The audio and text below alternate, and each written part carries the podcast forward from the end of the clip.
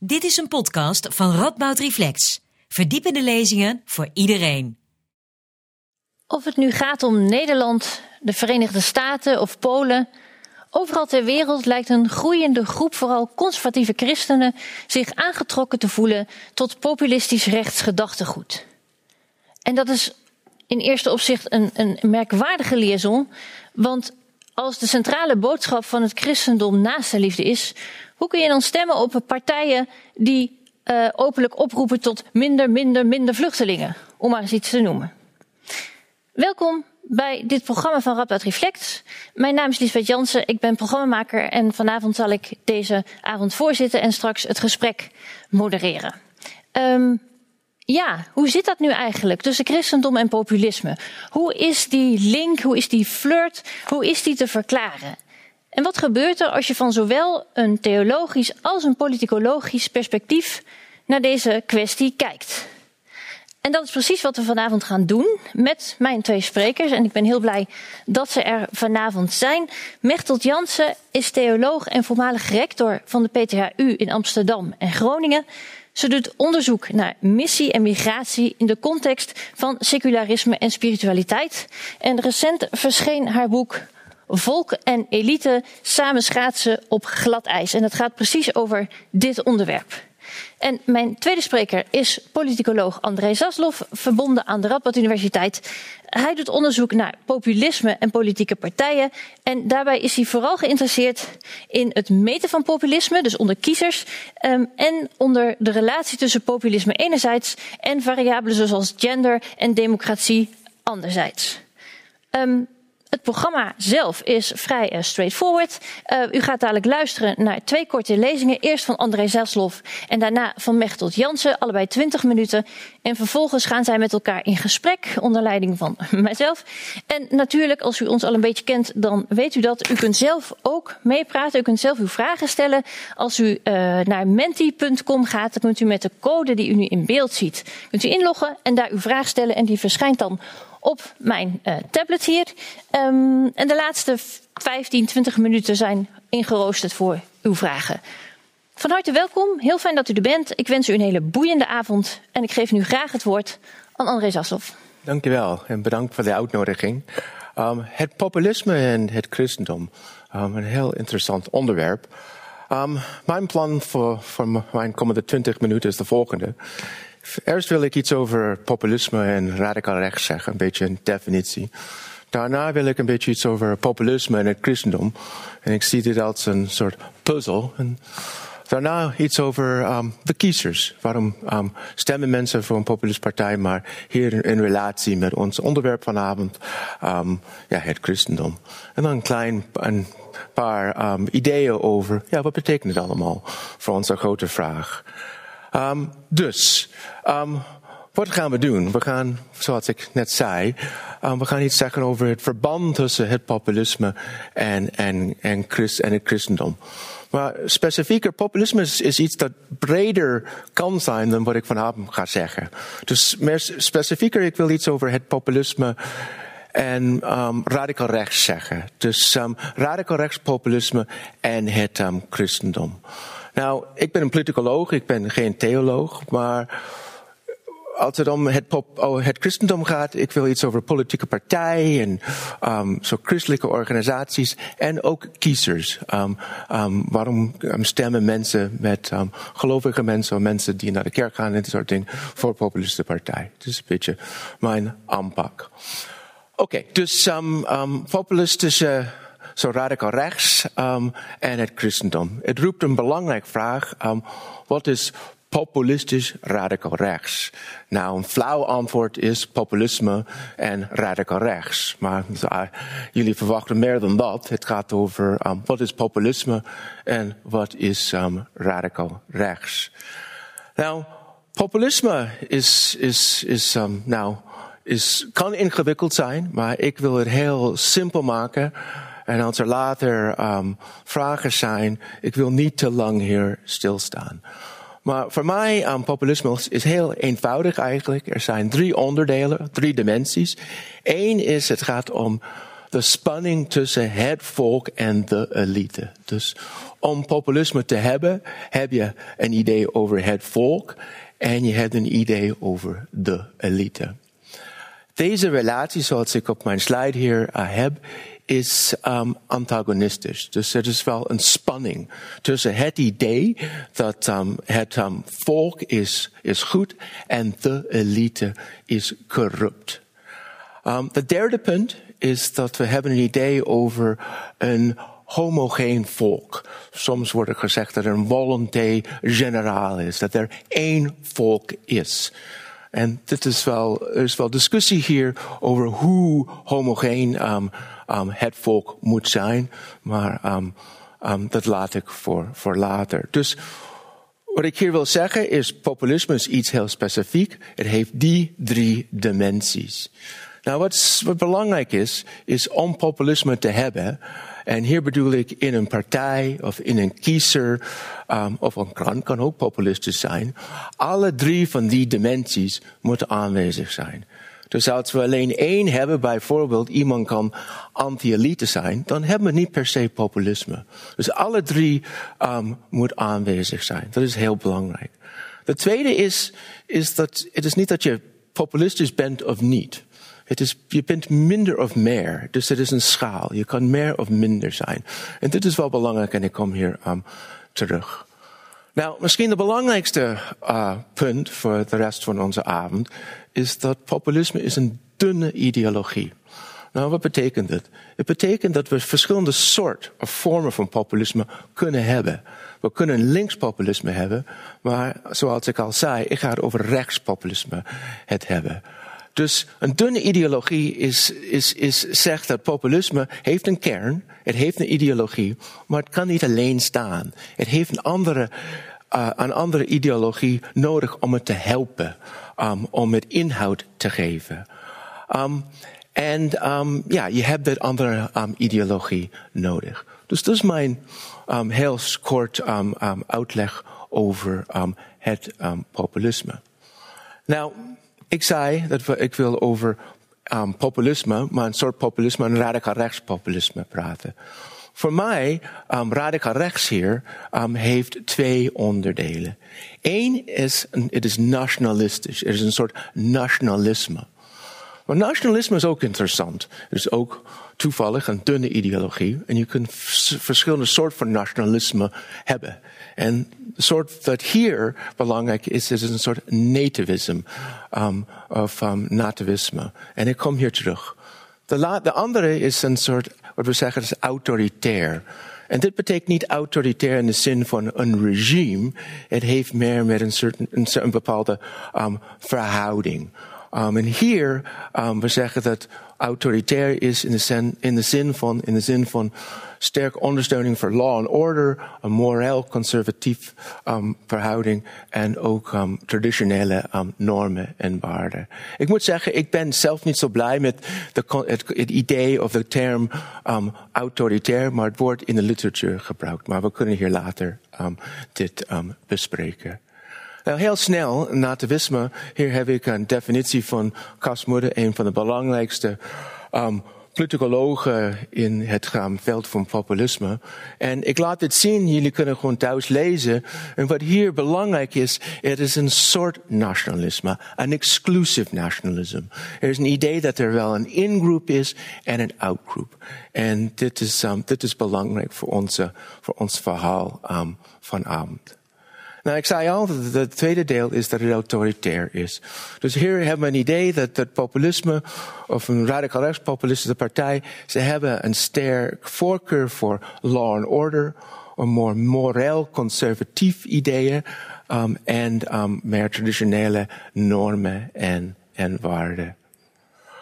Nou, oké, als dit radicaal rechtspopulisten um, of populistische radicaal rechtspartijen um, zijn of ideeën zijn, welke partijen?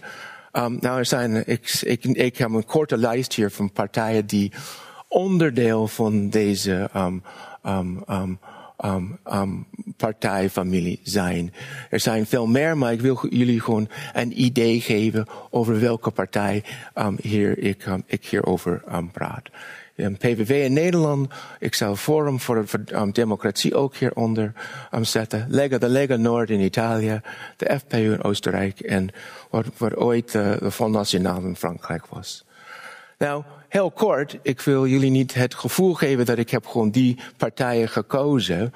Um, en ik heb dit um, gebaseerd op een, um, een survey die ik met een collega Maurits Meijers heb uitgevoerd. En wat we hier hebben gedaan is, we hebben experts gevraagd om partijen te plaatsen. Dus hier heb ik de vier landen die ik net heb benoemd. En jullie kunnen gewoon thuis kijken. En hier heb ik een schaal die gaat van minder populistisch tot meer populistisch op de, de, de y-axis. En daaronder, onder de x, heb ik um, links en rechts. En je ziet bovenop, je ziet de partijen die ik min of meer hier heb benoemd. Dus je ziet wel een plaatsing um, dat we kunnen doen over deze partijen. Hier heb ik het over links-rechts, maar eigenlijk moet ik het over andere dimensies um, um, het hebben. En hier heb ik het ook over um, immigratie. En je ziet een, ook een, dezelfde verdeling. Dat deze partijen die meer populistisch zijn, zijn hoger.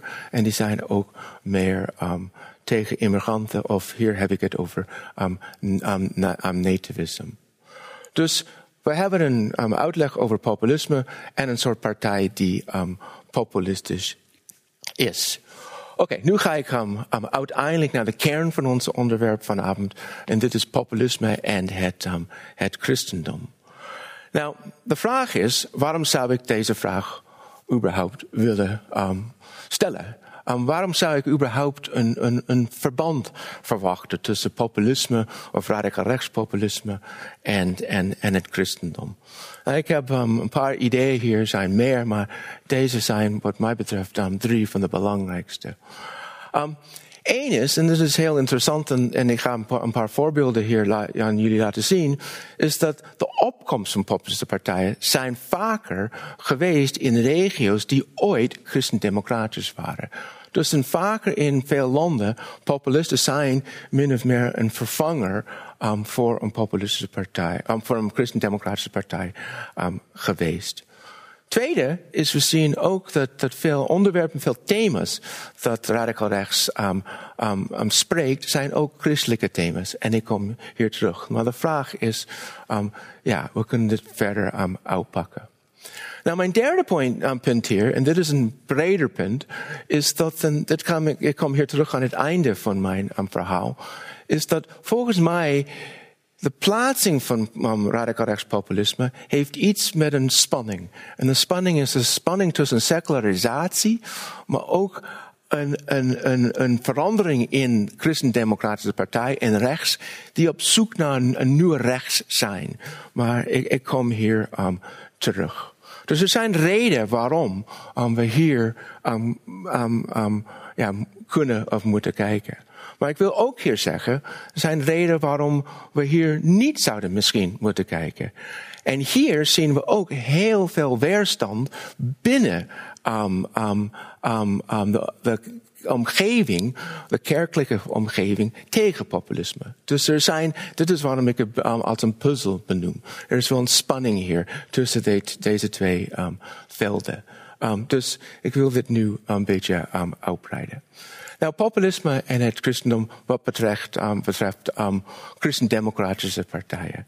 En hier wil ik Italië en Nederland als twee voorbeelden gebruiken. Nou, wat interessant is, in Italië, um, populisme um, kwam heel vroeg um, naar voren. Um, al in de jaar, um, laat in de jaren 80, maar meer in de jaar, vroeg in de jaren 90, we zagen in Noord-Italië dat um, de Lega Noord was heel snel een vervanger voor de oude christendemocraten.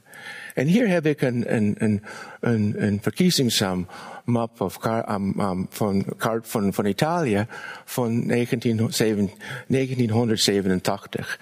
En wat je kan zien, ik kan het niet aanwijzen hier, maar voor jullie die in Italië zijn geweest, boven in het noordoosten daar, um, waar blauw is, die waren echt zo sterke strongholds van de christen-democraten, wat daar blauw is. En wat je ziet later in de jaren negentig, dat daarboven um, het wordt echt um, groen geworden. En dit is de Lega Noord. En de Lega Noord was echt een vervanger hier um, voor, voor, voor de oude christen en democraten. Dit is, deze is van 1996. Um, we zien ook in Nederland hetzelfde. Um, en hier heb ik alleen één, één kaart. Um, en we weten daaronder in, in Limburg dat we zien ook, dat was ook een christen-democratische um, stronghold. En we zien hier, ik heb um, een voorbeeld van 2010. Dus er was in, in veel landen, het was niet alleen, maar in veel landen, we zien dat de, de populisten waren succesvol in regio's die ooit christendemocratisch waren. Wat roept een interessante vraag op, denk ik. Um, nou, um, richting de kiezer. Nou, veel radicaal rechtse um, um, um, partijen um, proberen de, de, de, de kiezer aan te spreken met, um, met, um, um, met religieuze thema's. Um, en hier vooral praten ze, wat ik hier op mijn slide heb, over de Joodse christelijke wortels van, van Europa. Vaker wordt het in de kader van, um, een verband met, um, met islam en meer een soort Europese nationale identiteit. Maar ik, ik kom hier terug. Hier heb ik een voorbeeld van Matteo Salvini. Um, en hier is een, een, een, Salvini tijdens de vorige verkiezingen. Ik weet niet of je het thuis kan zien, maar hij heeft een kruisbeeld en hij is een, heeft een kruisbeeld. Hij is een kruisbeeld zo. Um, en hij is, het is in zijn, hij geeft zo een, kus, ja. En het is, um, en dit was heel controversieel, omdat hij wilde, ja, de, de christelijke uh, kiezer, de christelijke kiezer voor zichzelf um, um, pakken. Um, en er was wel weerstand hier, maar um, ik, let, ik leg um, dit verder uit. Nou, wat interessant hier is binnen de kader van, van Salvini en de Lega Nord, ze zijn ook voorstanders van, van een traditioneel gezin. Ze zijn ook tegen um, de abortus. En ze zijn ook voor wat hij zegt is, Salvini zegt, een echt een christelijk um, Europa. Maar wat ook interessant hier is, is ze zijn ook, zeggen ze, de beschermer um, van Europa tegen, tegen immigranten. En ze zeggen ook dat de kerk te vaak de beschermer van de immigranten is. Dus wat Salvini zegt is, noi siamo i veri cattolici. Dus die zijn de echte katholiek, um, katholieken, omdat de kerk, die zijn eigenlijk vaker de verrader. In de zin van, ze hebben de normen en de waarden van echt Europa hier verraden. Dus, dit is een spanning hier dat, dat, we, dat, we, dat we zien ook interessant hier is dat we zien binnen de kerk, soms is er wel steun voor, voor, voor, voor de Lega Noord. Of was de Lega Noord voor de Lega. En dit is vooral wat betreft, um, islam, omdat hier, dit is een onderwerp die hier, die hier, um, die hier um, spreekt. Maar, en dit is um, mijn, mijn, mijn, de andere kant. We zien ook binnen de kerk dat er veel weerstand heerst. En hier zien we weerstand binnen organisaties zoals Caritas en Familie Christiana. En die zijn echt tegenstanders van de Lega Noord. En ik heb een voorbeeld hier van een tijdschrift, Familie Christiana. En dit was tijdens um, de verkiezingen, toen um, Salvini bezig um, daar met zijn, met, met zo zijn thema's tegen de, tegen de paus en dat soort dingen. En hier was echt een sterk stem tegen Salvini zelf. Dus om, om, om, om de religie terug te trekken naar, naar, naar de kerk en weg van, van, van Salvini. Dus één voorbeeld wat ik wil een beetje schetsen is de spanning hier um, tussen die twee. Ik heb ook een, een citaat of een paar um, referenties van het verkiezingsprogramma van, van, van de PVV. En het, het toont een, een, een ook een, richting in die kant op. Ik heb het in rood, je kunt het thuis zien. En hier gaat het ook over de joods-christelijke um, wortels van, van Europa. Um, het is misschien minder hier in Nederland de richting um, de spel met, met de kerk, maar we zien ook zo gelijktijd um, zo, um, um, ook um, een verhaal over de christelijke en de joodse christelijke wortels. Maar ook hier, de spanning speelt ook hier in, in Nederland.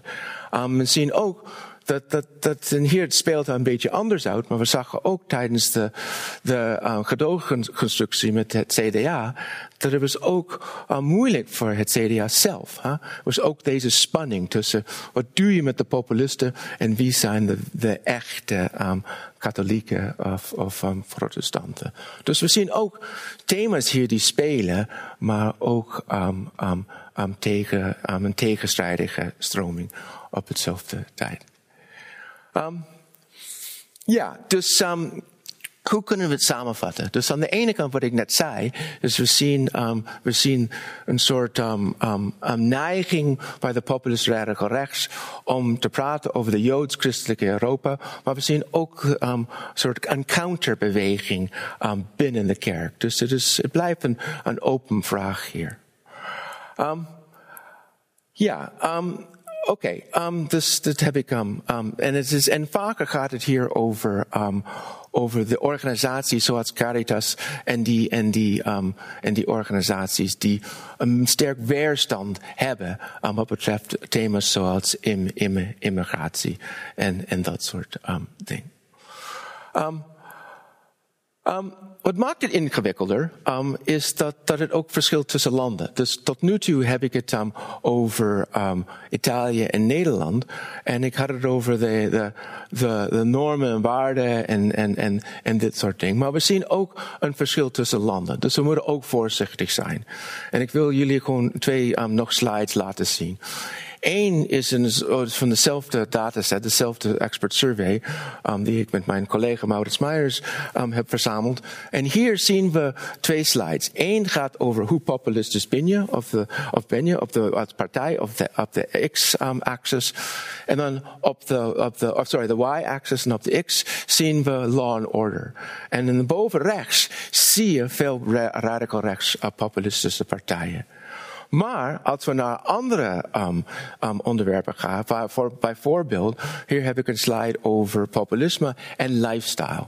En lifestyle hier gaat meer over ja, um, voor homo's en dit soort dingen. Zien we opeens een scheiding. En we zien dat, de, dat de veel radicale rechtspartijen zijn nu links, die zijn tegen rechten voor homo, maar we zien in, homo's, maar we zien in Nederland een verschuiving rechts. Dus hier wat ik wil zeggen is, we moeten ook voorzichtig zijn hier. Ik heb een verhaal over de normen en waarden, maar we zien ook um, een, een, een verschil. Um, Oké, ik wil heel kort een paar minuten iets over kiezers zeggen en dan, dan rond ik um, dit af.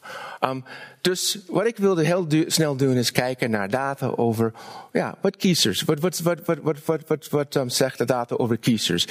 Dus mensen die radicaal rechts stemmen. Um, en ik heb een, um, een dataset gepakt. Um, en ik heb een paar landen hier gepakt die jullie kunnen zien. Landen van, van Europa, van West-Europa en ook een paar van Oost-Europa. En ik heb twee vragen gepakt. Eén is hoe vaak ga je naar de kerk? En de tweede is hoe gelovig ben je? Om te kijken, ja, oké, religie en stemgedrag voor radicaal rechts. Oké, okay, dus hopelijk kunnen jullie dit zien thuis. Um, voor mij het is heel klein. Um, wat ik hier heb is een, is een, is zijn een paar modellen. Dus je ziet hier, uh, uh, volgens mij zijn er 11, 12 modellen. Um, en, en de modellen uh, bestaat uit veel variabelen. Maar hier heb ik alleen um, aan jullie laten zien um, één variabele en is hoe vaak ga je naar de kerk. Dus onze dependent variable is stemgedrag voor, voor radical, radical rechts. En hier zie je, um, als je mijn rechts beweegt, dat betekent dat je minder naar de kerk gaat. Dus wat je hier ziet, is dat vaker, hoe minder naar je naar de kerk gaat, hoe meer je radical rechts um, stemt. Dus, hoe minder je naar de kerk gaat, hoe radical, meer radical rechts je stemt. Wat je kan hier zien is mijn eerste um, punt boven. Uh, um, het gaat over alle landen um, in, van, van mijn, mijn dataset. Tweede is alleen West-Europa.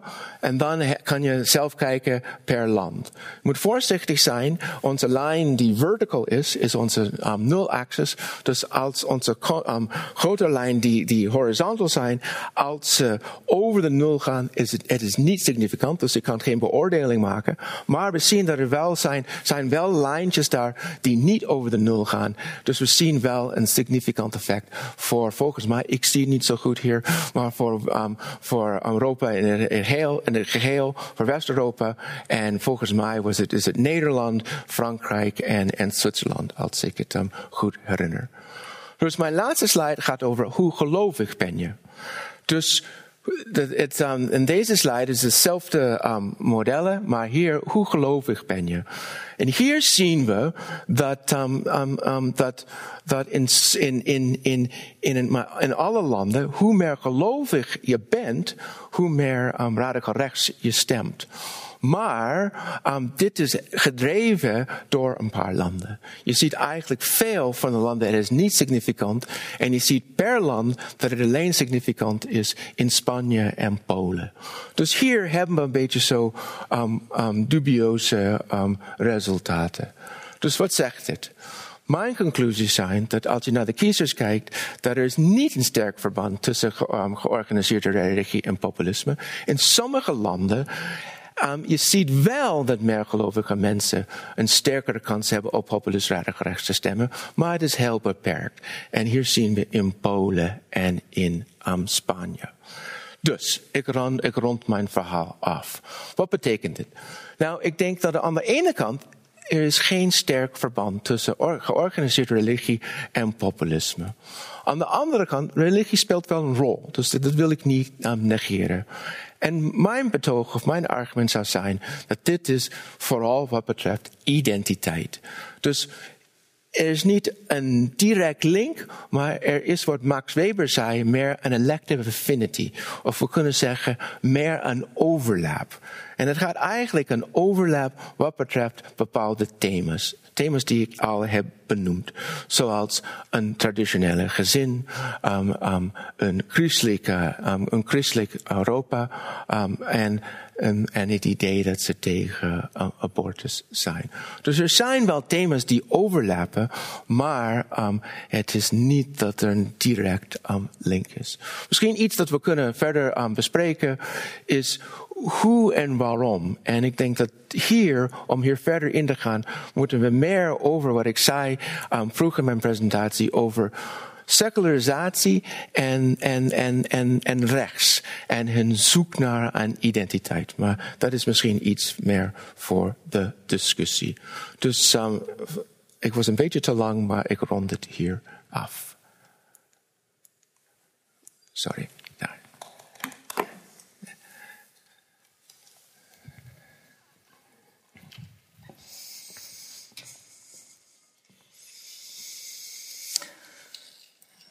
Dankjewel André en ook dank aan de organisatie van Radboud Reflects, Marta in de zaal en Lisbeth hier. Dat jullie mij hebben uitgenodigd vind ik heel erg prettig, heel erg leuk. Ik denk dat mijn presentatie eh, goed aansluit bij die van André. Sommige dingen ook even nog weer van de kant van een theoloog af bevestigen.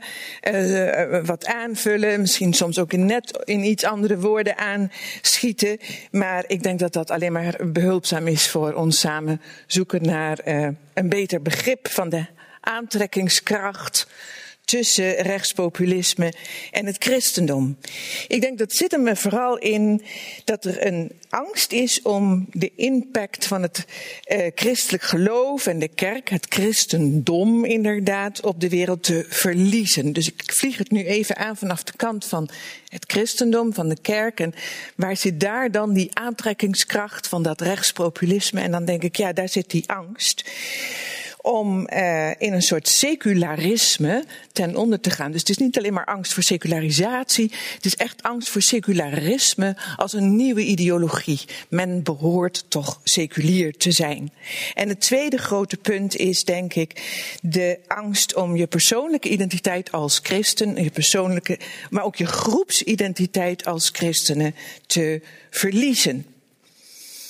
Daar kun je nog een heleboel andere aantrekkingskrachten bij noemen. De fixatie hè, op autoriteit en leiderschap.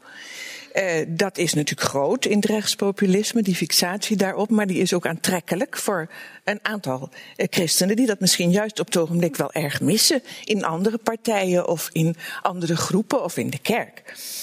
En verder een vijandelijkheid ten opzichte van het vreemde, alles wat ons vreemd overkomt, eh, ten opzichte van sowieso de pluraliteit in de samenleving en dan specifiek toegepast op de islam. Dat is toch een vreemde kracht, ook een beetje vreemd aan onze joods-christelijke wortels, dus dat hoort er eigenlijk niet bij.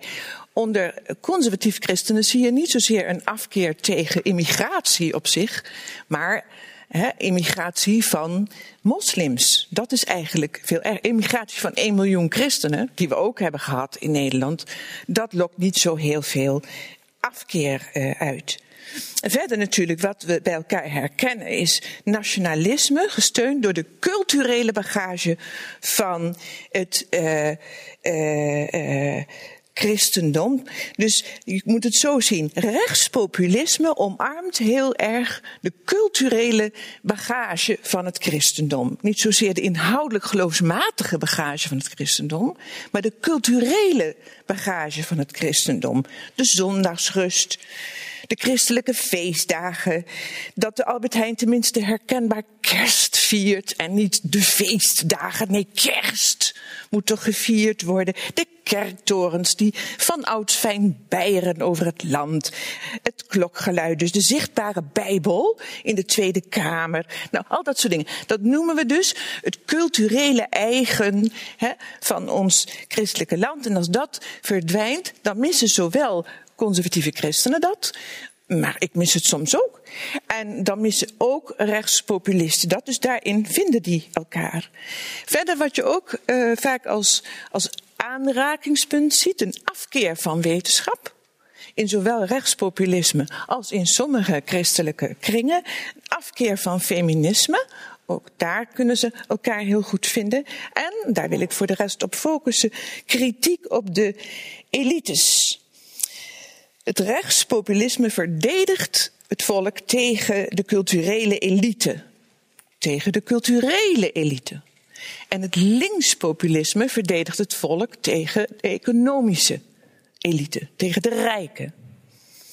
Maar in het algemeen blijkt, en daar val ik uh, André zeer in bij, hoe meer men inhoudelijk op het christelijk geloof betrokken is, of dat nou katholiek is, protestants, evangelisch, reformatorisch, charismatisch, hoe dieper betrokken men is op de inhoud van het geloof, hoe minder aantrekkingskracht er is van het populisme, hoe minder men ook op populisten zal stemmen. Gaan we even door naar het volgende, want ik wil dus inderdaad wat focussen op die tegenstelling tussen volk en elite. Die werd vroeger aangeduid met de termen aristocratie en gewoon volk. Ondeugend werd natuurlijk ook vaak gezegd snobs en plebs. De aristokatten en de gewone straatkatten. Deze oude elite is zo langzamerhand verschoven naar de academische elite. Hoge posities vereisen diploma's. En opleidingsniveau blijkt nu het kenmerk te zijn waarop mensen zichzelf indelen als elite of als volk. Vandaar dat de elite zich op het ogenblik blauw betaalt aan privé eindexamentrainingen voor hun kinderen. Hetgeen die kloof tussen volk en elite weer verder verdiept. Het probleem is dat elite en volk elkaars verhalen, elkaars waarden en elkaars belevingswereld niet meer verstaan. Volk en elite zijn in verschillende bubbels gaan leven, waardoor wederzijds wantrouwen groeit. Voor het voeden van dat wantrouwen is natuurlijk het internet van heel groot belang. Mensen als Nigel Farage en Donald Trump grepen via het internet hun kans om het woord elite voor zichzelf terug te claimen. We are the elites. Wij zullen de eigenwaarde van het volk wel herstellen.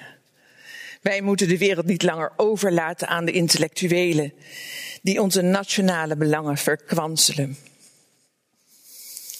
Als ik dan weer even terug ga naar Nederland, dan moeten we ook wijzen op de zeer hoge vermogensongelijkheid Van de 27 economisch welvarende landen scoort Nederland na de Verenigde Staten op deze vermogensongelijkheid het hoogst. Laatst hoorde ik op de tv zeggen dat we hier in de Verenigde Staten hebben ingehaald. Dat heb ik nog niet kunnen checken. Het werk van de Franse econoom Thomas Piketty heeft erop gewezen, heel indringend op gewezen, dat die vermogensongelijkheid een zeer belangrijke factor is geweest in het ontstaan van het wantrouwen tussen volk en elite. En in het laatste Kamerdebat over de regeringsverklaring van het nieuwe kabinet speelde dat opnieuw een heel prominente rol. Die kloof wordt verder uitgediept door populisten die in het gereedschapskistje van de christelijke theologie duiken. Om in- en uitsluiting tussen volk en elite te bewerkstelligen. Populisten sacraliseren het volk, plaatsen het als heilig tegenover de corrupte elite. Populisme moet dus gezien worden als een moralistische vorm van politiek bedrijven. Gedreven door een tweedeling, het goede volk en de slechte elite. Het goede volk komt op goede scholen terecht, het slechte volk op slechte scholen. En populistisch leiderschap hamert voortdurend op dat verschil. Het volk is authentiek en oprecht, echt. En de daarvan afgegrensde elite is oneerlijk en laat zich volledig door nepotisme leiden. En die langlopende, zich verscherpende polarisatie, die leidt tot woede. En dat zien we niet alleen in Nederland, hè, maar zoals André ook al aangaf in Italië. Een ander voorbeeld is Polen, waar de stem van de armen al meer dan 30 jaar vertolkt wordt door Radio Maria. Deze populaire zender brengt nationalistische, zeer religieuze programma's, waarin de Ave Maria's voortdurend worden afgewisseld met verhalen over de straatarme Poolse plattelandsbevolking. En soms nauwelijks verholen antisemitistische uitingen. Antisemitische uitingen, moet ik zeggen. Dus Radio Maria is typisch een voorbeeld. Hè? Het is antifeministisch, anti-homorechten, anti-islamisering van Europa en het geeft zich uit voor de katholieke stem. Er zijn best wel bisschoppen in Polen die zich daartegen verzetten, maar Radio Maria zegt nee, wij zijn de katholieke stem. Volgens populisten in heel Europa kan Europa zelf geen thuis meer bieden aan het volk. Want Europa wil maar steeds geen democratie worden. Het volk weet nooit wanneer de leiders gekozen moeten worden. Of wanneer ze ineens per verrassing alweer gekozen zijn. En deze polarisaties kunnen leiden tot volkswoede. En steeds meer lijkt aangenomen te worden dat we pas echt serieus genomen worden als we heel verontwaardigd en heel woedend zijn. Dus ook dat wordt in populisme uh, aangewakkerd. Het volk moet woedend zijn. Als ik nou preciezer wil aanduiden waar het theologisch schuurt tussen volk en elite, dan is een eerste en bazaal inzicht dat het volk vanuit bijbelse bronnen gezien vooral slaat op mensen die vergeten worden. Dus als je het woord volk leest in het Eerste en Tweede Testament, maar vooral in het Eerste Testament, dan zijn dat gewoon de vergeten mensen. Het gaat om de naamlozen, die zich niet gezien en niet gekend weten.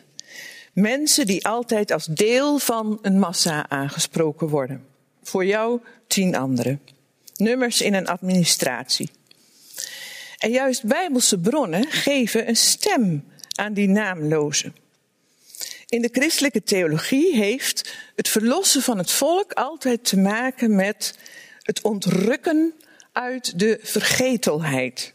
Een naam geven aan mensen die nooit bij namen genoemd zijn. Een voorbeeld is het verhaal van de rijke man en de arme Lazarus. Dus tegen de verwachting in heeft die rijke man helemaal geen naam gekregen. Laat staan een chique dubbele naam die maatschappelijk alle deuren opent. Maar die arme man die krijgt een naam Lazarus, afgeleid van Elazar, Eliezer, God heeft geholpen. En dat verhaal uit het Lucas-evangelie kent nog veel meer saillante punten. Lazarus sterft en wordt in Abrahams schoot opgenomen, niet langer die godvergeten bedelaar. En die rijke man, die sterft ook en die komt in een omgeving zonder God. De rijke man vraagt dan aan Abraham om Lazarus even langs te sturen met wat water. Dus zelfs dan, in een soort idee van na de dood, weigert de rijke man om Lazarus direct aan te spreken. Hij blijft Lazarus als een loopjongen zien. Abraham gaat niet in op dat verzoek en zegt dat er een wijde kloof ligt tussen de arme namelozen en de mensen die zichzelf zo voornaam geacht hebben. Een wijde kloof die die rijke man zelf in stand houdt door zich niet aan de leefregels van Mozes te houden. In zijn boek Het volk in de grot wijst uh, de filosoof René ten Bos erop dat het volk helemaal niet zozeer bestaat uit boze witte mannen, maar uit mensen die het gevoel hebben dat ze voor onwetend gehouden worden. Het boek grijpt terug op Plato's allegorie van het volk in de grot. Mensen die vastgeketend aan een rotswand zitten. Kijk, hier heb je even een plaatje van die grot, een soort dia. Ze kijken dan aan die, in die rotswand naar hun uh, voorstellingen. Ze zijn onwetend en ze zouden eigenlijk graag onwetend blijven. Toch worden een paar mannen, staatsmannen, naar buiten geroepen om in het licht de dingen te zien zoals ze werkelijk zijn. Zij vormen de elite. De elite begrijpt wat het volk niet begrijpt. En de elite wil het volk verheffen tot dat ware begrip. De verlichte elite wil het volk iets leren. Maar is het volk wel leerbaar? Zou het gewone volk niet net zo lief onwetend blijven? Of gewoon van de dagelijkse dingen genieten zonder precies te weten wat er achter de dagelijkse dingen schuil gaat? Moet het volk wel weten waaruit zonnestralen bestaan om blij te zijn met het feit dat de zon schijnt? Volgens Plato volstaat het dat een paar kritische mannen, let wel, van de hoed en de rand weten. Zij kunnen logisch denken. Het volk in de grot is niet in staat tot een dergelijke geestelijke hygiëne. En dat arme volk, ja, ach, dat blijft in mythisch denken steken. Het heeft dus ook eigenlijk helemaal geen zin om het volk echt goed voor te, voor te lichten. En alle keuzes van een dilemma te laten zien. Je zou de allegorie van de grot kunnen verplaatsen naar een allegorie van het rijtjeshuis. Waarin de grotliefhebbers, de troglofielen, zich terugtrekken en gekluisterd zitten aan hun tv of pc-scherm. Ze zien daar allerlei beelden van sport, horrorfilms, reclame, documentaires en kerkdiensten. En daar gaat iets heel beklemmends van uit. Kunnen zij, kunnen wij ons nog wel onttrekken aan dat gekluisterd zijn? Kan het volk tot verheffing worden gebracht? Ja, zeker wel. En dat is het springende punt ook in het boek van uh, René ten Bos. Het volk weet veel meer dan de elite denkt. De elite rekent niet op de eigen herinneringen en de toekomstvisioenen van het volk. En zo worden volk en elite tegenover elkaar gezet. De beste manier om het onderscheid tussen volk en elite te laten verdampen, is om wetenschappers juist aan te laten geven dat je het over de wetenschappelijke vragen in het leven helemaal niet altijd eens bent. En dat je het nodig hebt naast wetenschap ook mythes, verhalen, muziek en religie en drama en dans uh, te laten verbeelden hoe de werkelijkheid eigenlijk in elkaar zit. En daar weet het volk misschien wel meer van dan de wetenschappers. Wetenschappers moeten angst reduceren en vooroordelen tegengaan. En volk en elite leven daarvan. Er is dus geen tegenstelling, wat wel vaak in de hand gewerkt wordt, tussen een waarheidsminnende elite en een waarheidsschuwend volk. Er is ook geen tegenstelling, maar die wordt wel vaak gecreëerd tussen de elite die alle status, rijkdom en, en uh, macht eigenlijk verdiend heeft en op eigen konto schrijft, en het volk uh, waarop wordt neergekeken en die dus ook eigenlijk de ellende aan zichzelf heeft te wijten. Er is ook geen tegenstelling, en ook dat wordt vaak door populisten in de markt uh, gebracht, zeg maar, tussen het volk dat een benepen nationalisme wil en de elite dat uh, ruimdenkend cosmopolitisme zou willen. Tegen deze gedachten zijn eigenlijk de denkers in stelling te brengen die juist vanuit christendom en jodendom, hè, waar het populisme ook zo vaak naar verwijst, inbrengen hoe je je zou kunnen verzetten tegenover het uh, populisme. Eén daarvan, één stem daarvan is die van de opperrabijn Jonathan Sachs. Hij zegt, je zou als christenen eigenlijk drie mooie momenten uit je eigen traditie, maar ook als Joden uit je eigen traditie binnen kunnen brengen in deze samenleving. Om juist uh, samen uh, de wortels van dat uh, rechtspopulisme te ondergraven. Je zou steeds weer Joodse en christelijke verhalen, juist die inhoud, naar binnen moeten brengen. En je zou extra structuren van genade moeten toevoegen aan wat er al is in een gewone samenleving die leeft van een sociaal verbond. Extra structuren van genade betekent dat je aan gewone wetgeving extra dingen toevoegt die niet moeten, niet per se moeten, maar die kunnen, zoals in het verhaal van Rut en Boas, waarin extra stukken oogst aan de armen worden gegund. En het laatste, waarin Jonathan Sachs ons een extra geeft om te vechten tegen populistisch gedachtegoed is, je zou vooral met elkaar alle feesten, alle religieuze feesten, zo breed mogelijk met heel het volk moeten vieren. En daarin komt Sachs zeer overeen met paus, uh, uh, onze huidige paus Franciscus, die ook aangeeft, ik ben aan mijn laatste dia die ook aangeeft dat het ontzettend belangrijk is om met elkaar als uh, gelovigen ehm, meer feesten vieren. De feestelijke kanten van de religie. Niet de regelgevende kanten alleen van de religie. Maar juist de feestelijke kanten van de religie meer naar voren te brengen. En te brengen als iets waar de hele bevolking baat bij heeft. Dat betekent dus ook dat je samen met de Joden ook Hanukkah viert. Betekent ook dat je samen met moslims uh, ook de iftar-maaltijd uh, houdt. Het betekent ook dat je uh, samen met de hele bevolking je christelijke feestdagen openstelt. Niet al te dogmatisch, niet al te sophisticated invult, maar die aangeeft als religie gaat eigenlijk om feestvieren samen. Daar is het allemaal voor bedoeld. Nou, dat wordt ook vanuit de kant van uh, de paus heel erg uh, benadrukt. Ik, ik, kwam ook even op die paus, en dat is mijn laatste uh, opmerking, doordat ehm, hij juist zich ook zo tegen die Lega Noord verzet heeft. Ik bedoel, de paus heeft zelf weer allerlei andere kanten waar je misschien ook moeite mee kan hebben, maar zijn verzet tegen populisme is denk ik heel erg van binnenuit, van de inhoud uitkomend. En hij heeft juist laten zien dat kruisslaan bij al die populisten. Hij zei, uh, uh, uh, daar geef ik helemaal niks voor. Het gaat erom hè, wat je voor de arme bevolking zelf doet. Nou, hier maar even een punt zetten. Dank. Ja.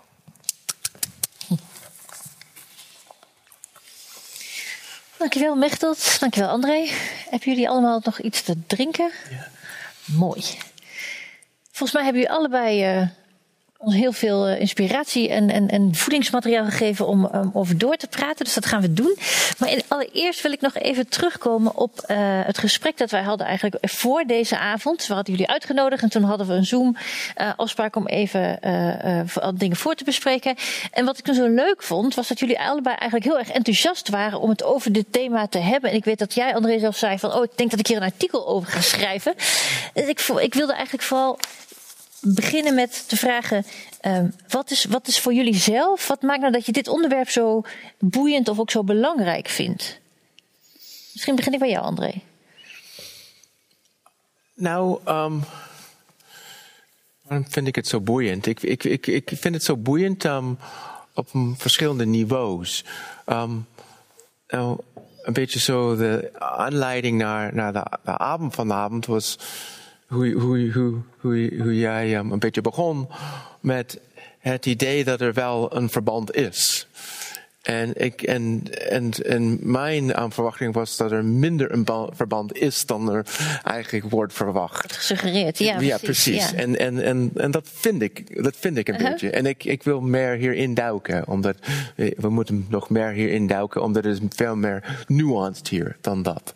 Dus ik denk dat, dat, dat het idee um, dat er um, een direct verband is, um, zie ik niet zo sterk. Maar misschien, ja, we, we moeten hier meer induiken. Maar dat is interessant, want dan zeg je dus eigenlijk, eigenlijk wordt dat idee ons alleen maar opgedrongen of zoiets. Of nou, we, krijgen het, we krijgen die indruk. Ja, maar ik denk dat wat, wat we allebei een beetje hebben gezegd, dat, dat, het, dat, het, dat het wel. Um, dat er iets, er zit iets in. Uh um, en, en, en en, en wat ik zei, ik denk dat misschien is er niet zo, maar het is niet zo eenvoudig dat we zeggen dat er een direct link is, mhm. maar, maar, maar, ze spreken elkaar een beetje aan. En, en hier denk ik wat, wat heel interessant is, is het, het gaat over een, een grotere vraag. Het mhm. gaat over, um, het gaat over de vraag over um, identiteit. Ja. En ik denk dat is wel heel interessant. En, en daar denk ik dat, dat er wel een, een wat ik vind dat, wat Max Weber zegt, een elective affinity. Het is, het is die, die, die, die komen dicht bij elkaar, maar die zijn niet hetzelfde. Mm -hmm. En ik denk dat hier um, ja, het is wel, um, de radical rechts spreekt iets, ze, ze, ja, het, is, het, het, het, gaat over een verloren identiteit. Of, ja. of, of wat is onze identiteit? Die zijn op zoek naar een identiteit. En, en hier um, pakken ze wel de joods-christelijke wortels, ja, mhm. wat dat betekent. Maar het is, het is, um, ik had een, een, student vandaag en hij, hij, heeft, hij zei tegen mij, hij heeft net een artikel gelezen dat, dat, dat dit wordt ook gezien als een, als een, een, een thin ideology. Uh-huh. Dat vond ik ook super interessant. Omdat het is ook een beetje, een beetje een empty signifier. Hoe vul je dit in? Uh-huh. En ik denk dat dat is, dat is wel heel interessant. Met dunne ideologie bedoel je dan, eigenlijk stelt het niet zoveel voor. Het zijn alleen een ja, paar het lijkt op populisme. Je hebt iets anders daar nodig om het in te vullen. Ja. Hm. En ik denk dat daarom spreekt het aan. En ik denk, mijn laatste punt, en dan, dan, dan, dan ik, ik, wil niet dan domineren, maar ik denk dat het is ook, voor mij, het is ook, wat ik een beetje aan het einde zei, was heel te, te vaag, maar het, het zegt iets over, over, over rechts. En, en rechts is op zoek naar, naar een identiteit. En, en ik zie dit, en misschien is het verkeerd, maar ik zie dit in verband met, um, met, met um, de daling van de christendemocraten. Mm -hmm.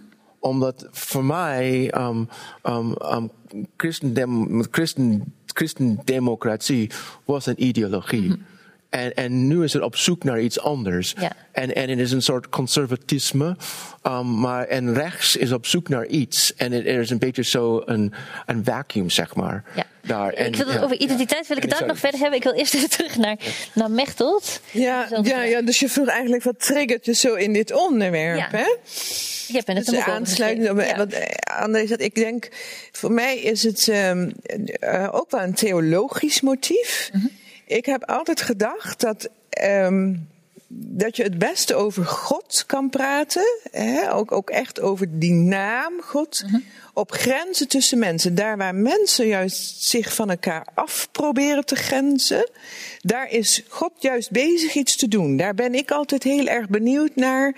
Wat, wat is God daar aan het uh, behandelen? En waarom zie je dat speciaal daar?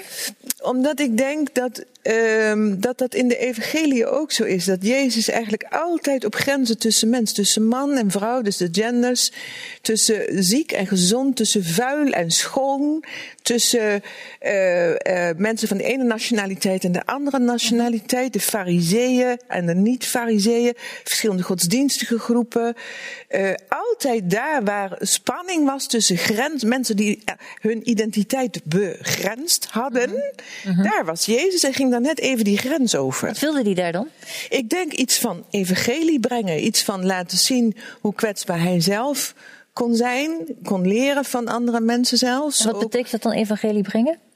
Nee, voor mij is het denk ik um, dat je toch uh, ziet dat je als mensen op elkaar aangewezen bent. En, uh, en dat je het voor elkaar gewoon uh, goed moet maken op de een of andere ja, manier. Dat is eigenlijk het slechte van die grenzen. Van die, van die... Ja, dus, uh, en dat je altijd dat harde van dat afgrenzen van jezelf, dat begint al bij je eigen lijf natuurlijk, maar het gaat ook om de grenzen van de NAVO en van Rusland. Het gaat over allerlei grote grenzen, harde Palestina en de Joden. Het gaat over zoveel harde grenzen in deze wereld. En die grenzen worden juist overschreden mm -hmm. op een vreedzame manier. Mm -hmm. En daarin zie ik God bezig. Dat is een hele theologische uitspraak -hmm. natuurlijk. Hè? Maar dan zie ik dus ook dat dat juist precies in deze samenleving op die harde grens tussen volk en elite, daar waar ja. die zich steeds meer verhardt, denk daar moet ik wezen. Ja. Dus als jij dan denkt van waarom wil zij daar wezen? Nou, daarom. Ja, oké, okay, nou dank je. Ja. Datzelfde. En ik denk dat het ook interessant is omdat daar een raakvlak zit tussen wat jullie allebei zeggen, hè? Van, die, van die grenzen en die afbakingen ook van de identiteit. We hebben het steeds over volk en elite en dat dat inderdaad, heb jij ook in je lezing verteld, in de, in de loop van de geschiedenis anders werd ingevuld. Maar als ik daarna denk, daaraan denk, dan, dan denk ik vooral, goh, alleen al het gebruiken van die terminologieën lijkt een bepaalde afstand en een bepaalde afgegrensdheid in stand te houden of, of zelfs te bewerkstelligen. Zien jullie dat ook zo? Ja, ben ik ook heel erg mee bezig geweest toen ik alleen al. Hè, dus um, als je al zegt, er zijn grenzen en je wil, probeert ze al aan te geven, daar hadden we het net ook over, als je het over de sociologie hebt, eh, wie laat zich nu nog als groep definiëren? Mm -hmm. Er zijn altijd wel nu een paar kikkers die uit die man springen en zeggen, ja, maar daar heb je mij niet mee, hè? Ik ben een zwarte lesbische vrouw met dat en die en die en die eigenschap. Dus als, waar je het ook verder over hebt, dan, dan hoor ik niet bij die groep die jij aanduidt, weet je wel?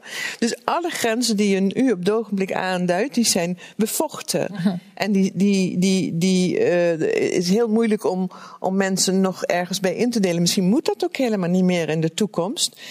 Uh, want we hebben al veel te veel altijd gecategoriseerd. Hè? Het, het heeft altijd tot slechte dingen geleid om, om af te grenzen. En tegelijkertijd um, weet je gewoon dat het wel de realiteit van deze, van deze ja. wereld is op de een of andere ja. manier. Ja, want wat vind jij er als, als politicoloog van? Moeten we maar gewoon zeggen, nou we hebben het niet meer over uh, groepen. We moeten dat, bijvoorbeeld volk en elite, dat moeten we maar gewoon overboord. Um, dat wel?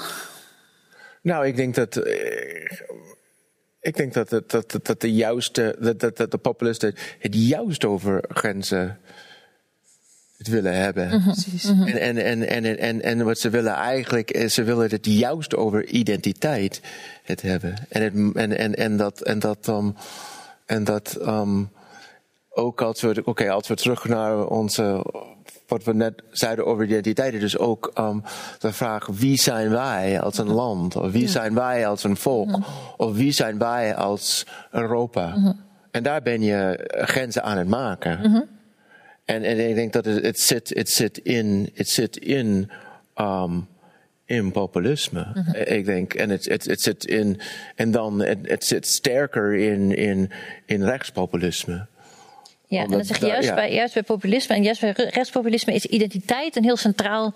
Denk ik wel. Ja. Denk ik is wel. dat ook iets van deze tijd? Dat we identiteit op alle vlakken opeens belangrijker gaan vinden? Um, dat weet ik niet. Um, maar ik denk dat. Um, ik denk dat, dat, dat een groot deels waarom we in bepaalde hoeken um, over identiteit praten, komt door de populisten. Mm -hmm. Ik bedoel, um, je, je, je, je, zou naar, je zou naar een bepaalde van de onderwerpen van een andere um, zo lens kunnen kijken. Mhm. Mm -hmm. ja? mm -hmm. Nou, bijvoorbeeld, um, het, het wordt veel van de onderwerpen worden als identiteit geframed, maar ik zou het ook als class kunnen framen. Als klas? Als klas. Klasse. Ja. Oh, klasse, ja, ja sorry. ik zeg ja, het in ja. Engels, maar als, als klasse. Ja. Ja. Ja. In de zin van, kijk, je, je kijkt naar, je kijkt naar um, iemand die van een bepaald land komt, maar je komt ook van een bepaalde klasse. Mm -hmm. En ik denk dat, dat dat is een beetje zo een overwinning van, van de populisten. Ja, als jij over identiteit praat, heb je het eigenlijk vooral over nationale identiteit. Hè? En, en daar, daar, dat eh, wordt ons ook wat aangedragen door de rechtspopulisten.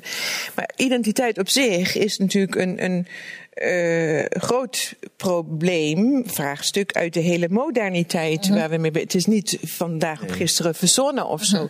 Het is opgekomen met de hele moderniteit mee, als het ware als vraag naar uh, wie zijn wij nu als persoon. Uh Bestaat er zoiets als een persoon? Uh En uit welke uh, toebehorigheden van verschillende groepen bestaat dan die persoon die ik zegt? Hè?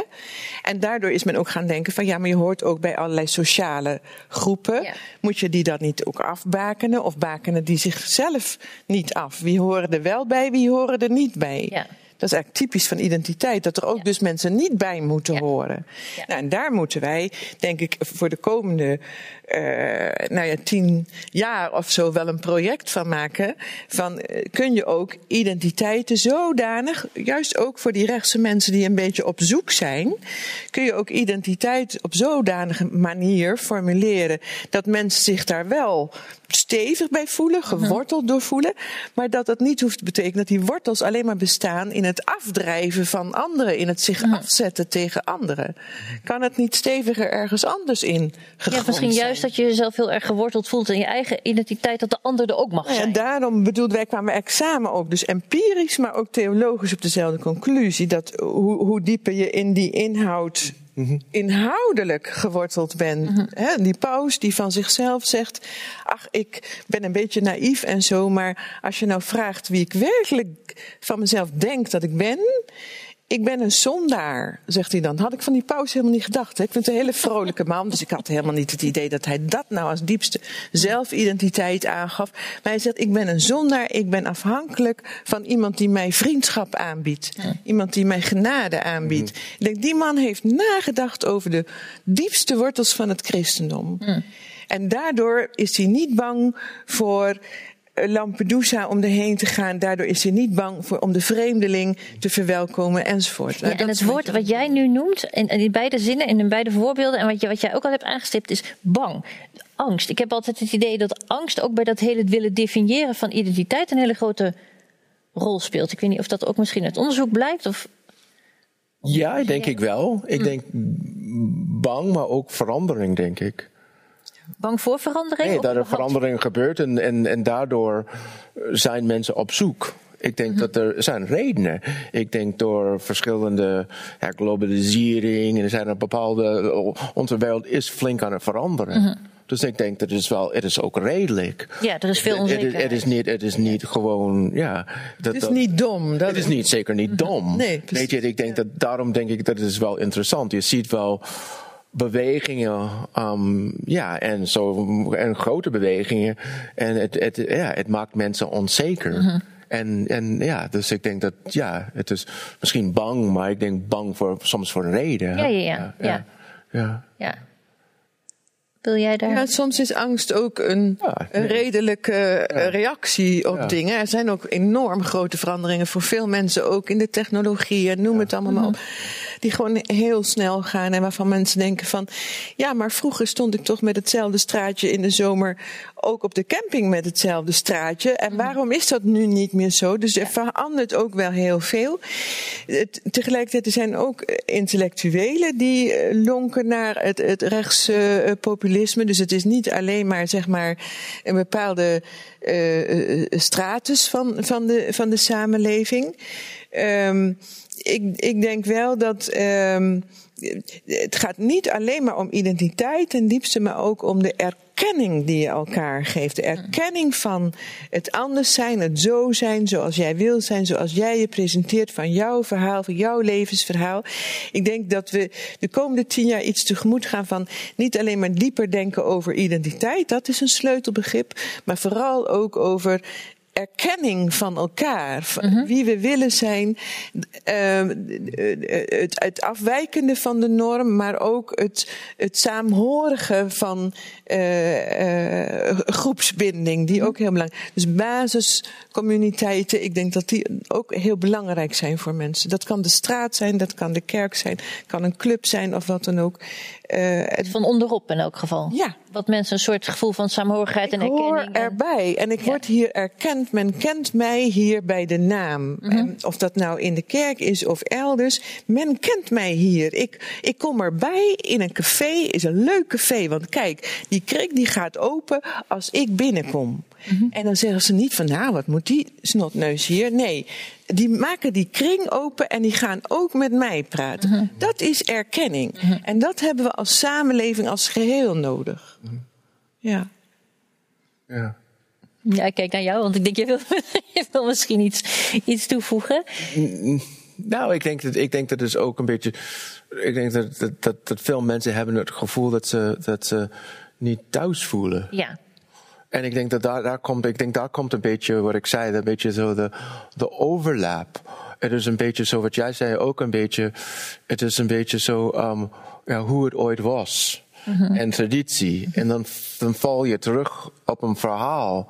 En hoewel misschien ben je niet per se super gelovig of, of, of religie speelt niet een super groot onderdeel in je leven. Het was een beetje zo, het, het hangt samen met traditie. Mm-hmm. En je zei over feesten en dat soort dingen. Dat is belangrijk. Dus die zijn instituties.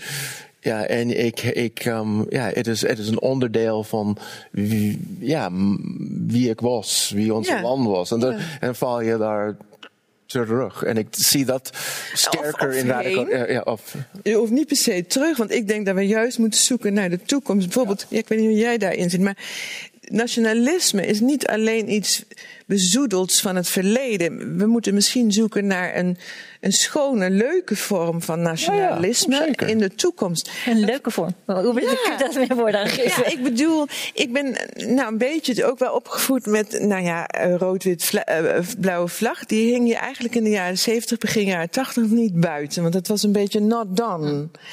En dat was ook echt wel iets voor een, be een beetje volkse buurten, maar mm -hmm. het was ook een, het was erg rechts ook om dat oh, te ja. doen. Not done. Mm -hmm. en, en nu vind ik, nou, rondom sport of hoe je het maar wil uh, uh, vernieuwen, maar wat is een gezonde vorm van nationalisme? Ik, ik denk dat we daar weer ook naar op zoek moeten. Mm -hmm. Bestaat dat die? durf ik niet. Ja, die bestaat zeker, maar dat is, okay. dat, dat, dat is een jou. grote Wat vraag. Dat, dat, durf ja. ik nu. Ja, nee, maar ja. kijk, ik denk dat dat is ja, nationalisme heeft ook verschillende kanten. Hè? Het, het kan meer gesloten zijn of het kan meer open zijn. Mhm. Mm -hmm. En dat is zeker het geval. Weet je? En daarom, in, in, tijdens mijn uitleg, ik zeg dat, dat, dat rechts um, populisten, ze hebben het over een bepaald soort van nationalisme. Ja. Het is, het is, een, het is een soort, het is meer een close verhaal. Ja. Ja, het is, het is, het is, ja, we zeggen dat het, het is, het is, met dat soort nationalisme, het is, het is moeilijk om bij te horen. Ja. Mhm. Mm-hmm. ja, het is, het is, het is, het is moeilijk om um, een onderdeel van de club te worden. Ja, ja want jij bent als je, maar een open kan je, kan ja. je wel een onderdeel van de club worden door ja, bepaalde ja, manieren. Maar ja, ja, ik denk dat nationalisme hoeft niet alleen een negatief um, connotatie te hebben. Nee, Zeker. precies. Ja. Ja. Ja. want je zegt, ik moest ook opeens denken aan dat we natuurlijk in een samenleving le leven die ook wel mer mer meritocratie wordt genoemd. Hè? In de zin van wie je bent en wat je waard bent, dat hangt af van je eigen prestaties. En ik kan me voorstellen dat dat ook best wel een, ja, een, een uitdaging doet, is of een beroep doet op je gevoel van identiteit. Hè? Waar, het, waar het vroeger misschien was, nou, ik ben geboren als er en die bepaalde groep. Dus ben ik een, weet ik veel, of het nou over religie ging of over, over, over streek of wat dan ook. En nu is het allemaal, je moet het allemaal een beetje zelf bevechten. Ja. ja. Dat, dat lijkt mij ook de grote stress op het ogenblik onder studenten ook. Hmm. Dat je, ehm, je, je, moet je hele levensverhaal zelf schrijven. Je moet je cv, we hadden het er ook nog eventjes over. Je hele cv al beginnen te schrijven als je twaalf bent, bij spreken. En dan ga je dat heel groot en mooi netjes aankleden. En dan moet het ook nog heel groot gepubliceerd worden. En daar moet je mee gaan strooien als je 17 bent. En je moet voortdurend laten zien wie je zelf bent en hoe je zelf samengesteld bent. Wat voor interessante dingen je allemaal gedaan hebt. En zo. Ja, alsof je je eigen levensverhaal schrijft. Je schrijft je eigen levensverhaal helemaal niet. Dus dat, dat besef ook alleen al. Mensen, relax, je hebt jezelf helemaal niet gemaakt. Ja. Dat is heerlijk. Ja, maar ja. dat is denk ik niet heel veel mensen gegeven, dat idee. Nee, en mijzelf ook niet alle dagen. Ik bedoel, ja, ik loop ook te streven en ambitieus te wezen, laat ik eerlijk zijn. Maar de, de, de basis is toch wel, je hoeft jezelf ook niet helemaal te maken. Mm en ik vind dat bijna wel iets religieus ook. Ja. Ja. Zie, zie jij dat hele idee van de maakbaarheid van jezelf ook als iets wat te maken heeft met. Met, met populisme? Mhm. Of, um, um, dat weet ik niet. Um, ik moet een beetje. Dus in de zin van. dat weet ik niet. Ja. Nou, misschien in de zin van dat, dat als mensen steeds het gevoel hebben dat ze moeten presteren en dat ze moeten voldoen aan allerlei eisen die ofwel van buiten ofwel in jezelf wordt opgelegd, um, dat je dat misschien. Dat je misschien wel geneigd bent om sneller te kiezen voor partijen die zo'n autoritaire vorm van, van, van heerschappij voorstaan. Want je denkt, nou dan is het in ieder geval duidelijk. Zij zeggen het zo en dan, is het, dan hebben we weer kaders en regels en zo. Ik weet het niet zo snel. Ja, ik moet. Ja, ja, ik kan, ja nee. Nou ja, het begon bij de meritocratie. Hè? Jouw vraag begon eigenlijk bij de meritocratie. Van, En dat herkennen populisten wel, denk ik, erg bij elkaar. Zeker de rechtspopulisten. Van, um, je hebt het gewoon. Uh, ja, aan jezelf te danken dat je het zo, zo ver geschopt hebt. Het is, ja. Dat. Maar ik denk dat, ik denk dat het, het is ook dat, dat, dat ik denk dat het gaat ook over de kloof tussen, um, um, hoe zou ik het zeggen, um, hoger en lager opgeleide mensen. Mm Maar ik bedoel in de zin van, ik denk dat, kijk, er is ook onderzoek hierover gedaan dat, dat, dat, dat, dat, dat, dat sommige mensen hebben niet het gevoel dat ze thuis in hun eigen instituties zijn. En ik denk dat, dat daar heb je het wat tegenovergesteld. Mm Ja, misschien, dat, dat, dat, dat, misschien hebben ze het gevoel dat, dat, dat tegenovergesteld, dat, dat, dat andere mensen hebben het niet verdiend. Mm -hmm. ja, dat, dat, dat, ja. dat, dat, dat, komt omdat je bent geboren in een bepaalde omstandigheid mm -hmm. of zo. Omdat ik denk dat we kunnen, we, niet, we moeten niet um, um, onderschatten hoe, hoe, hoe mensen met verschillende opleidingen um, hebben een andere relatie met een bepaalde instituties. Instituties als wetenschap nou, en overheid. Scholen, universiteiten, de gemeente, wetenschap. wetenschap. En, en, ik denk dat, en ik denk dat het is ook een soort, soort um, soms populisme gaat ook om, om een soort culturele strijd over onze eigen instituties. En dat mhm. bedoel ik, dat we kunnen ons niet terug in onze instituties meer zien. Ik voel me niet thuis in, ja, als ik um, ja, naar de gemeente ga. Ja. Of, of daar gaat het. Uh, ja. En dat je, niet thuis, dat je niet thuis voelen, dat, wat heeft dat dan als oorzaak? Dat je het niet meer kunt bijbenen? Nou, dat je de instituties wil um, terugtrekken. We willen, we willen ze terug hebben. Die, die zijn niet meer van mij. Die zijn niet meer van mij. Ja, Die, zijn, die zijn van, van die um, elite. Mhm. Ja, ik herken dat bij heel veel mensen die niet zoveel gestudeerd hebben. Mhm. En die uh, moeten zich melden bij uh, nou, de nabestaande desk mhm. en het loket voor dit en dat en de belastingdienst. En ik help ze daar dan bij. En ze krijgen nooit een menselijke stem aan de oh telefoon. Ze krijgen altijd die voorkeuzemenu's. En dan kijken ze me aan. En ja, wat nou? Zal ik maar vier doen of zal ik drie doen? Ik weet het nu ook niet meer. En ze, het, het instituut is niet meer van van hun. En dat maakt ze boos. Ja, en terecht. En ja, ik denk wel terecht. Ja. ja. Ja. En dat heeft ook wat met het onpersoonlijke te maken dan, denk Dat ik. is ook dat Ja. onpersoonlijke. En als er dan een leider opstaat en die zegt: Maar ik zal voor jullie die weg weer helemaal effenen. Mhm. Hè, ik zal het voor jullie gemakkelijker maken. En af en toe hoef je ook niet meer te kiezen. Dan zal ik die keuzes wel van jullie. Maar ik weet eigenlijk toch wel wat jullie willen. Mhm. Want dat is natuurlijk ook wat typisch van het populisme. De leider weet wat het volk wil. Mhm. Dus het volk hoeft ook niet zo heel veel meer zelf te kiezen. Want de leider weet dat wel. Ja, maar ik denk ook dat de, dat de, pop- dat de, de populistische leider komt op voor het volk tegen de onrechtvaardigheid van, van de instituties. Ja. Het is ook het is, het is hun stem in een plek waar zij mogen niet zijn. Ja.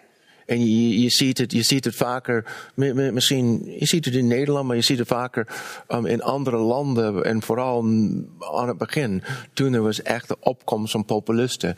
Die waren heel goed om, om, om in verkeerde plekken te zijn en daarvoor het volk te zijn. Ja. Dus en dat is heel belangrijk. En dan je ziet, je- jij hebt zo jouw frustraties. En dan zie je iemand daar. En hij zegt wat jij altijd wilde zeggen in die plek. Dus het is een soort embodiment. Ja. Wat is in van, van het volk ja. daar. En dat kan echt krachtig zijn. Ja. Ja. In, in, in, in, in, in- dat, dat iets onrechtvaardig is. Ja.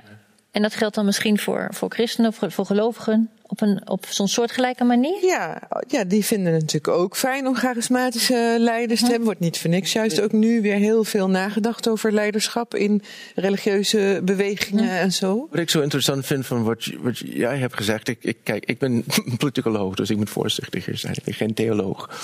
Maar de, de, de, de tegenstrijdig, de twee kanten van populisme. Je zou ook kunnen zeggen misschien dat het is ook, je ziet het ook in het christendom. Ja, Eh, Bij, bijvoorbeeld, ik, ik- je ziet, je, je, je, je, zou, je zou ook, jij zei, dat, jij zei tijdens um, um, eerder dat, dat, dat je zou ook um, de paas als een populist kunnen zien. Ja. En, en maar dat is een heel ook populisme. Het is een beetje populisme. tegenstrijdige binnen het christendom. En, ik, en soms, eh, je ziet binnen de kerk en, en, en de populisten, het is een vecht over wie is de echte ja. Katholiek of whatever in, Ja. in die zin. Of- Ja, ja. En, en dat zie je, het is zo'n beetje zo ownership. En Salvini zegt het. Noi siamo i veri cattolici. Nou, niet de poop, hè? Nee. Hij komt op voor de, voor de, voor de immigra- immigranten en, en wij komen op voor onze volk. Ja, Ja. maar dat is een, maar Paus doet het tegenovergesteld, hè? Ja. Hij komt op voor de, de zwakkeren. Ja. En dat is ook een onderdeel van, Maar van bijna van linkspopulisme bij hem. Natuurlijk ook ja, door natuurlijk, zijn ja, ja, ja. eh, Argentijnse achtergrond en zo. is het bij hem dan bijna linkspopulisme. Ja, maar dat klopt. Ja. Jullie zijn het eens, dat is mooi. Dan ga ik snel kijken naar de vragen die er inmiddels binnengekomen zijn via Menti. Even kijken. Eh, ik heb één vraag. Dat, dat betekent waarschijnlijk dat ik een probleem heb met internet. Dat zou kunnen. Dus ik ga met deze vraag beginnen. Eh, want dat is een vraag van eh, vijf uur geleden.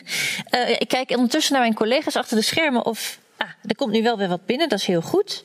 Ehm, en voor u thuis, blijf vooral vragen insturen, want ik heb dus nog wel ruimte. Ehm, de eerste vraag. Hoe is de scheur binnen christelijke gem- Oh, nu is mijn vraag weg. Oh, hier. Hoe is de scheur binnen christelijke gemeenschappen te duiden die sinds de coronacrisis zichtbaar werd op het punt van de verhouding tot de overheid enerzijds en de hang tot populisme anderzijds?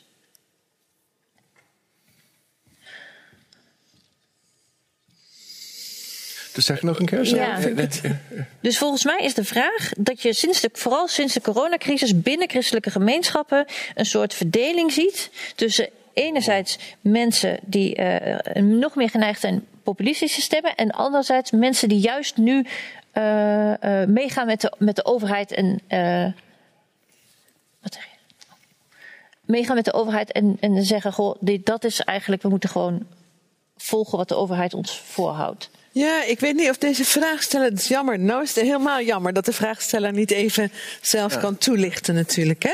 Maar, maar zeer bedankt sowieso voor deze vraag. Ik denk niet dat de vraagsteller bedoelt populistisch stemmen, maar dat je iets ziet in die coronacrisis binnen geloofsgemeenschappen van een verschil tussen mensen die juist dan extra achter de gevestigde macht gaan staan. Want ja, die heeft toch onze steun nu heel erg nodig. Mhm, Ik denk dat je dat zeker gewoon in 2020, hè, het begin van de coronacrisis ook zag. Mhm. Grote steun voor de heersende macht.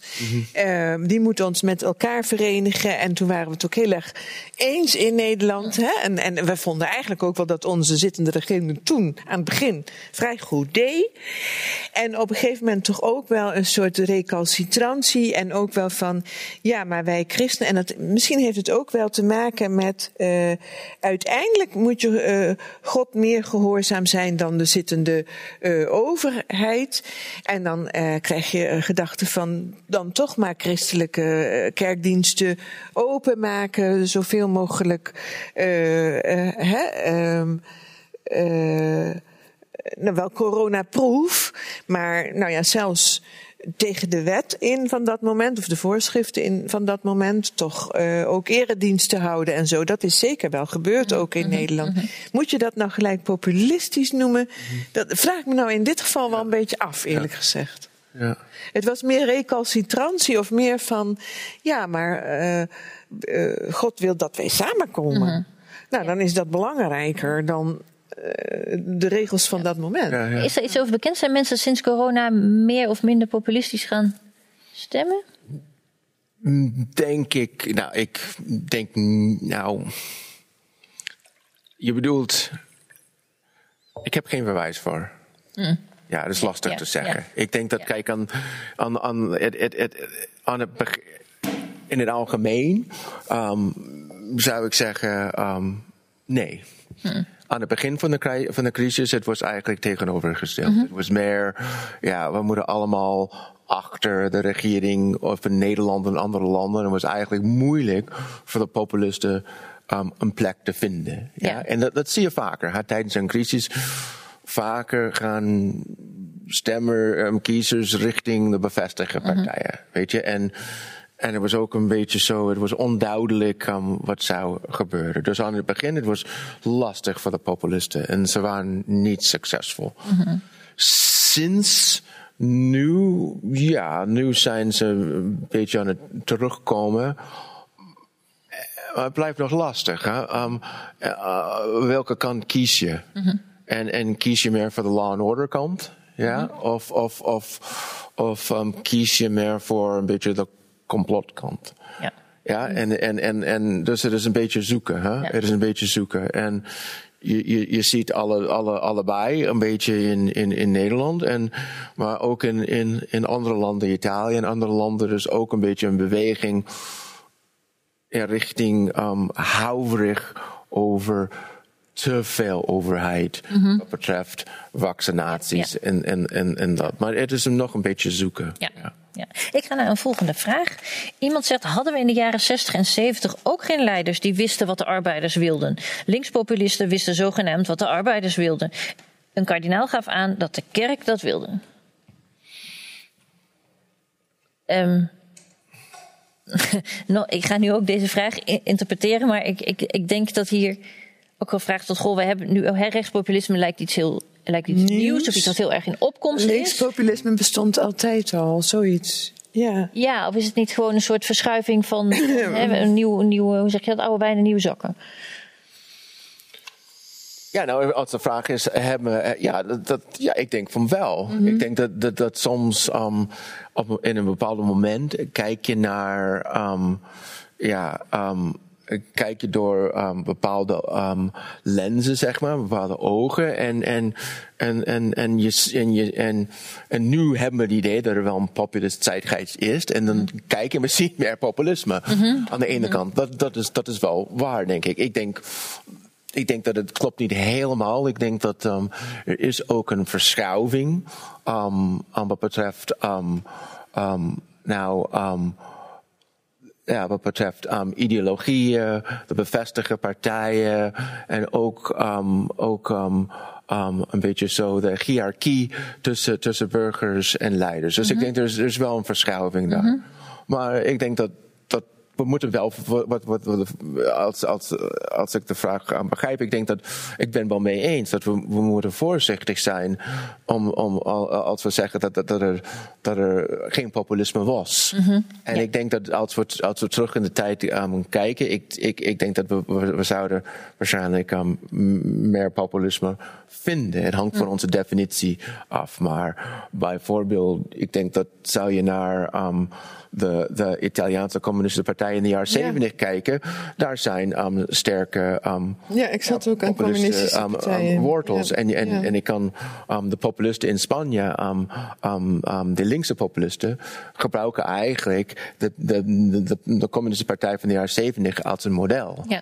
Dus er het- eigenlijk ja. ook een linkje nog naar religie? Kun je, kun je zeg maar zeggen van goh, bepaalde christenen zijn, geneigd, zijn eerder geneigd om op rechtspopulisme te stemmen en andere, pop, en andere christenen zijn meer gele- geneigd om op linkspopulisme te stemmen? Of is dat niet zo uit elkaar te houden?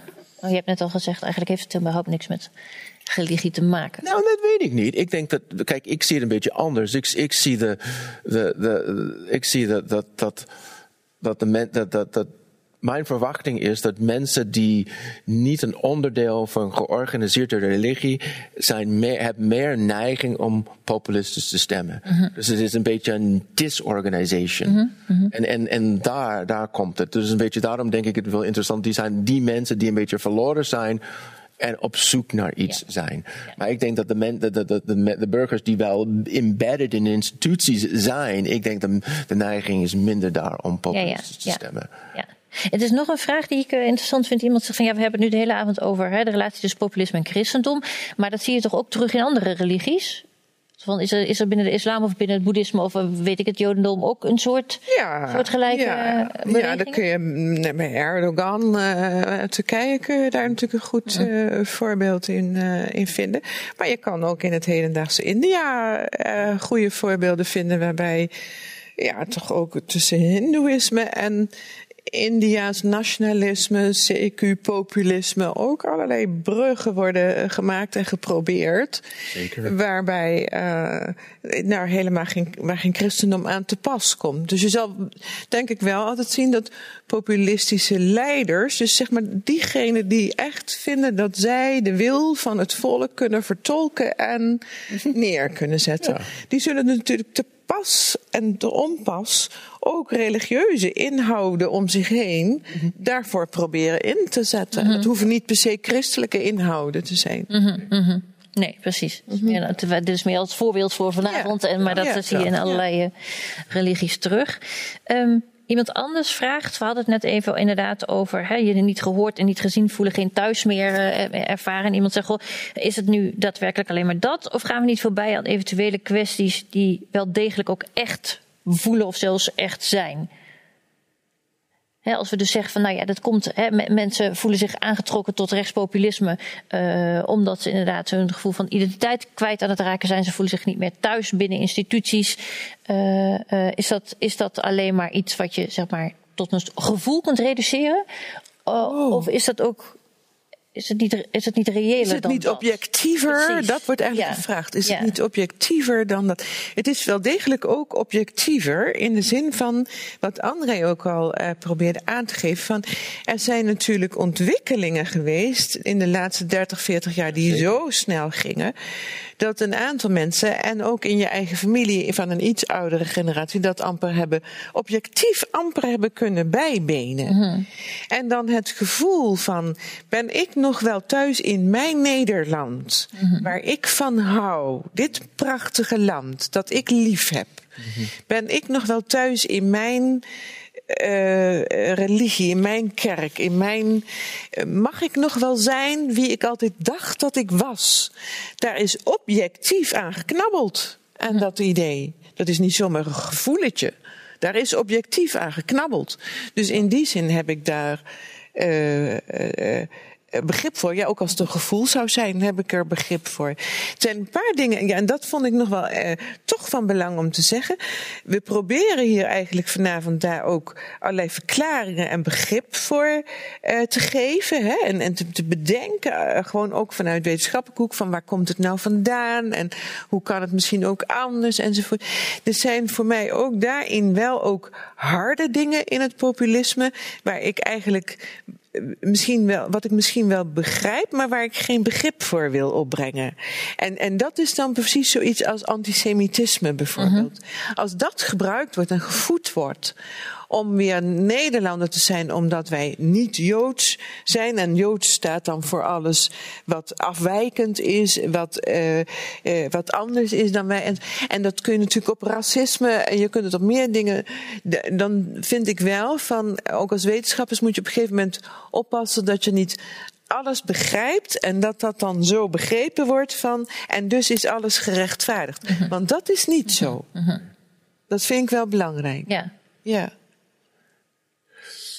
Ja, nou, ik, ik denk dat, dat of, of, de vraag is, is het objectief?